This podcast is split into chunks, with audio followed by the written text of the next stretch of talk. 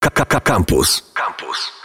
Cześć, witajcie. Monika Kita, zapraszam na ekocykl w Radiu Campus. Dziś też będzie zielono, pachnąco i kojąco, bo obcowanie wśród roślin pomaga się odprężyć, odpocząć, ale też poprawia nastrój, koncentrację, a nawet zwiększa kreatywność. Powszechnie wiadomo, że rośliny produkują tlen i pobierają dwutlenek węgla z powietrza i potrzebują do tego światła. Dlatego można się spotkać z opinią, że na przykład sypialnia to nie jest najlepsze miejsce dla kwiatów, bo może to zaszkodzić naszemu zdrowiu. Niekoniecznie jest to prawda, bo są takie gatunki kwiatów, które wytwarzają tlen nocą, a do tego nawilżają i oczyszczają powietrze, ograniczają rozwój mikrobów, czy też mają nieinwazyjny zapach, co dla niektórych jest super super istotne. Tak więc podam Wam kilka przykładów kwiatów doniczkowych, które świetnie sprawdzą się w sypialni. Na pierwszym miejscu stawiam aloes, który jest sukulentem liściowym. Ma niezwykłe właściwości nawilżające, dodatkowo filtruje powietrze z zanieczyszczeń, a nocą produkuje tlen.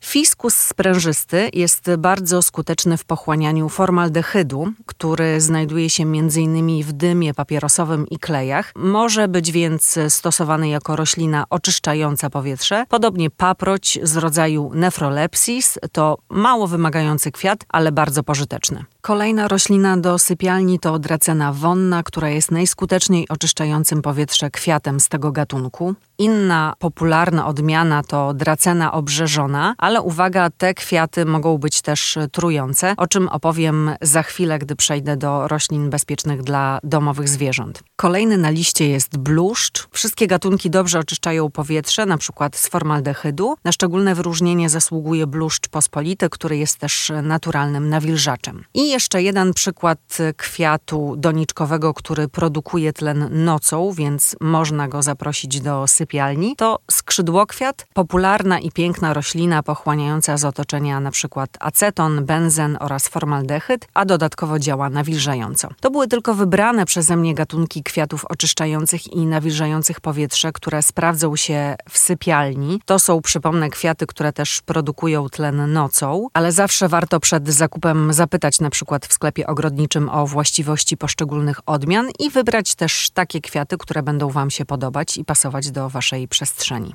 Jeśli chodzi o rośliny doniczkowe, to oprócz niezwykłych korzyści okazują się być też niebezpieczne, na przykład dla zwierząt domowych, które mogą obgryzać i zjadać kawałki kwiatów, a w niektórych z nich są po prostu trujące substancje. Wspomniana wcześniej dracena jest popularnym kwiatem domowym ze względu na swój wygląd i niezbyt wielkie wymagania dotyczące uprawy, jednak liście draceny czy sok wypływający z uszkodzonych części rośliny są szkodliwe dla tych, którzy mają z nimi kontakt. Związkami wywołującymi zatrucie są znajdujące się w soku draceny saponiny. To pochodne cukru zwanego glikozydem, który można rozpoznać po pienistym wyglądzie i gorzkim smaku. Najwięcej saponiny występuje w liściach i korze draceny, a kwiat produkuje tę substancję, bo broni się przed szkodnikami i drobnoustrojami. Zwierzęta domowe, zwłaszcza koty i psy, mogą podgryzać liście draceny, a to z kolei może wywoływać u nich zatrucia. Dlatego zwracajcie uwagę, jakie rośliny macie w domu bo mogą być one potencjalnie szkodliwe dla waszych zwierzęcych domowników. A na koniec podam wam kilka gatunków kwiatów przyjaznych przede wszystkim kotom. Na przykład cibora zmienna jest najlepiej znana właścicielom kotów, które chętnie traktują ją jako przekąskę. Nazywana jest często papirusem czy też trawą nilową ze względu na to, że przypomina kępy traw.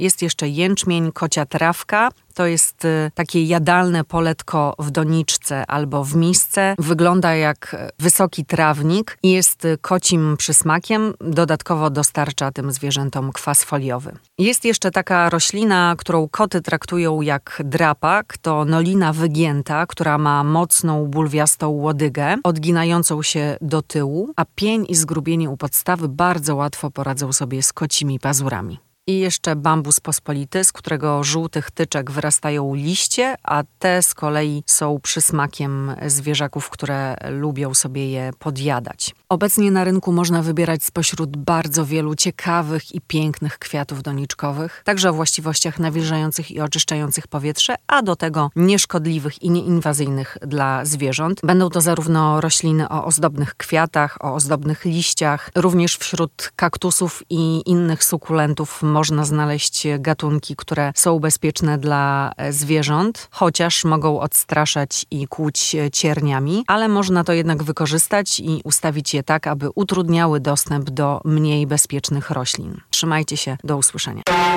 Internety. Facebook.com ukośnik Radiocampus.